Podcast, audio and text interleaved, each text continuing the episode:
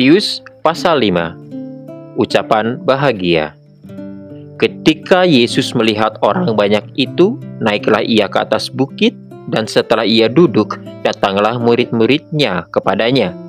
Maka Yesus pun mulai berbicara dan mengajar mereka, katanya, Berbahagialah orang yang miskin di hadapan Allah, karena merekalah yang empunya kerajaan sorga. Berbahagialah orang yang berduka cita, karena mereka akan dihibur. Berbahagialah orang yang lemah lembut, karena mereka akan memiliki bumi. Berbahagialah orang yang lapar dan haus akan kebenaran, karena mereka akan dipuaskan. Berbahagialah orang yang murah hatinya, karena mereka akan beroleh kemurahan. Berbahagialah orang yang suci hatinya, karena mereka akan melihat Allah. Berbahagialah orang yang membawa damai, karena mereka akan disebut anak-anak Allah. Berbahagialah orang yang dianiaya oleh sebab kebenaran, karena merekalah yang empunya kerajaan sorga. Berbahagialah kamu jika karena aku kamu dicela dan dianiaya, dan kepadamu difitnahkan segala yang jahat bersukacita dan bergembiralah karena upahmu besar di sorga. Sebab demikian juga telah dianiaya nabi-nabi yang sebelum kamu. Garam dunia dan terang dunia. Kamu adalah garam dunia. Jika garam itu menjadi tawar dengan apakah ia diasinkan? Tidak ada lagi gunanya selain dibuang dan diinjak orang.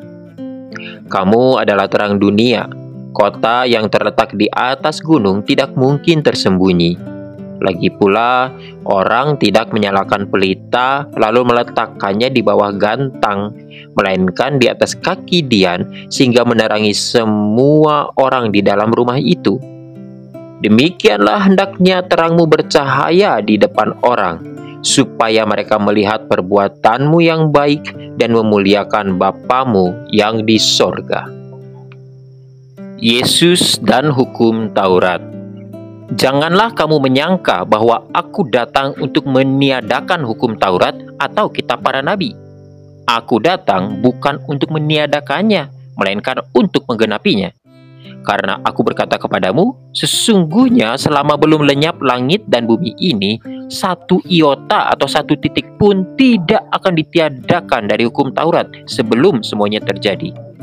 Karena itu, Siapa yang meniadakan salah satu perintah hukum Taurat, sekalipun yang paling kecil, dan mengajarkannya demikian kepada orang lain, ia akan menduduki tempat yang paling rendah di dalam kerajaan sorga. Tetapi siapa yang melakukan dan mengajarkan segala perintah-perintah hukum Taurat, ia akan menduduki tempat yang tinggi di dalam kerajaan sorga. Maka aku berkata kepadamu, jika hidup keagamaanmu tidak lebih benar daripada hidup keagamaan ahli-ahli Taurat dan orang-orang Farisi, sesungguhnya kamu tidak akan masuk ke dalam kerajaan surga. Kamu telah mendengar yang difirmankan kepada nenek moyang kita, "Jangan membunuh. Siapa yang membunuh harus dihukum." Tetapi aku berkata kepadamu, setiap orang yang marah terhadap saudaranya harus dihukum. Siapa yang berkata kepada saudaranya kafir harus dihadapkan ke mahkamah agama. Dan siapa yang berkata jahil harus diserahkan ke dalam neraka yang menyala-nyala.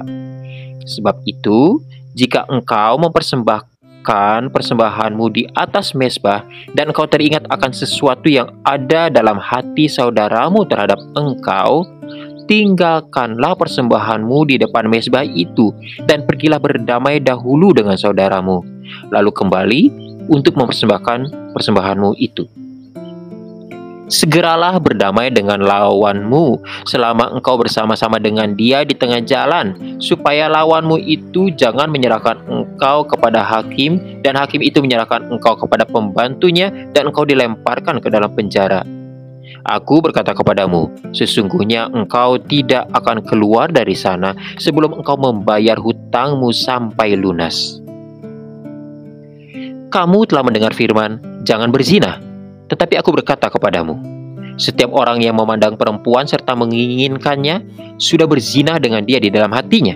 Maka, jika matamu yang kanan menyesatkan engkau, cungkilah dan buanglah itu karena lebih baik bagimu jika satu dari anggota tubuhmu binasa daripada tubuhmu dengan utuh dicampakkan ke dalam neraka.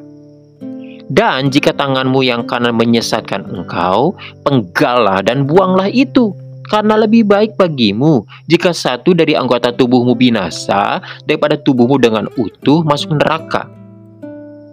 Telah difirmankan juga, siapa yang menceraikan istrinya harus memberi surat cerai kepadanya. Tetapi aku berkata kepadamu, setiap orang yang menceraikan istrinya kecuali karena zina, yang menjadikan istrinya berzina, dan siapa yang kawin dengan perempuan yang diceraikan, ia berbuat zina.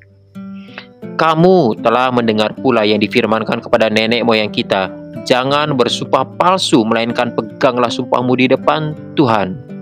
Tetapi aku berkata kepadamu, janganlah sekali-kali bersumpah, baik demi langit, karena langit adalah tahta Allah, maupun demi bumi, karena bumi adalah tumpuan kakinya, ataupun demi Yerusalem, karena Yerusalem adalah kota raja besar Janganlah juga engkau bersumpah demi kepalamu, karena engkau tidak berkuasa memutihkan atau menghitamkan sehelai rambut pun. Jika iya, hendaklah kamu katakan iya. Jika tidak, hendaklah kamu katakan tidak. Apa yang lebih daripada itu berasal dari si jahat. Kamu telah mendengar firman, mata ganti mata dan gigi ganti gigi. Tetapi aku berkata kepadamu, Janganlah kamu melawan orang yang berbuat jahat kepadamu, melainkan siapa pun yang menampar pipi kananmu, berilah juga kepadanya pipi kirimu. Dan kepada orang yang hendak mengadukan engkau karena mengingini bajumu, serahkanlah juga jubahmu. Dan siapa pun yang memaksa engkau berjalan sejauh satu mil, berjalanlah bersama dia sejauh dua mil. Berilah kepada orang yang meminta kepadamu, dan janganlah menolak orang yang mau meminjam daripadamu. Kamu telah mendengar firman, kasihilah sesama manusia dan bencilah musuhmu. Tetapi aku berkata kepadamu, kasihilah musuhmu dan berdoalah bagi mereka yang menganiaya kamu. Karena dengan demikianlah kamu menjadi anak-anak Bapamu yang di sorga, yang menerbitkan matahari bagi orang yang jahat dan orang yang baik, dan menurunkan hujan bagi orang yang benar dan orang yang tidak benar. Apabila kamu mengasihi orang yang mengasihi kamu, apakah upahmu? Bukankah pemungut cukai juga berbuat demikian?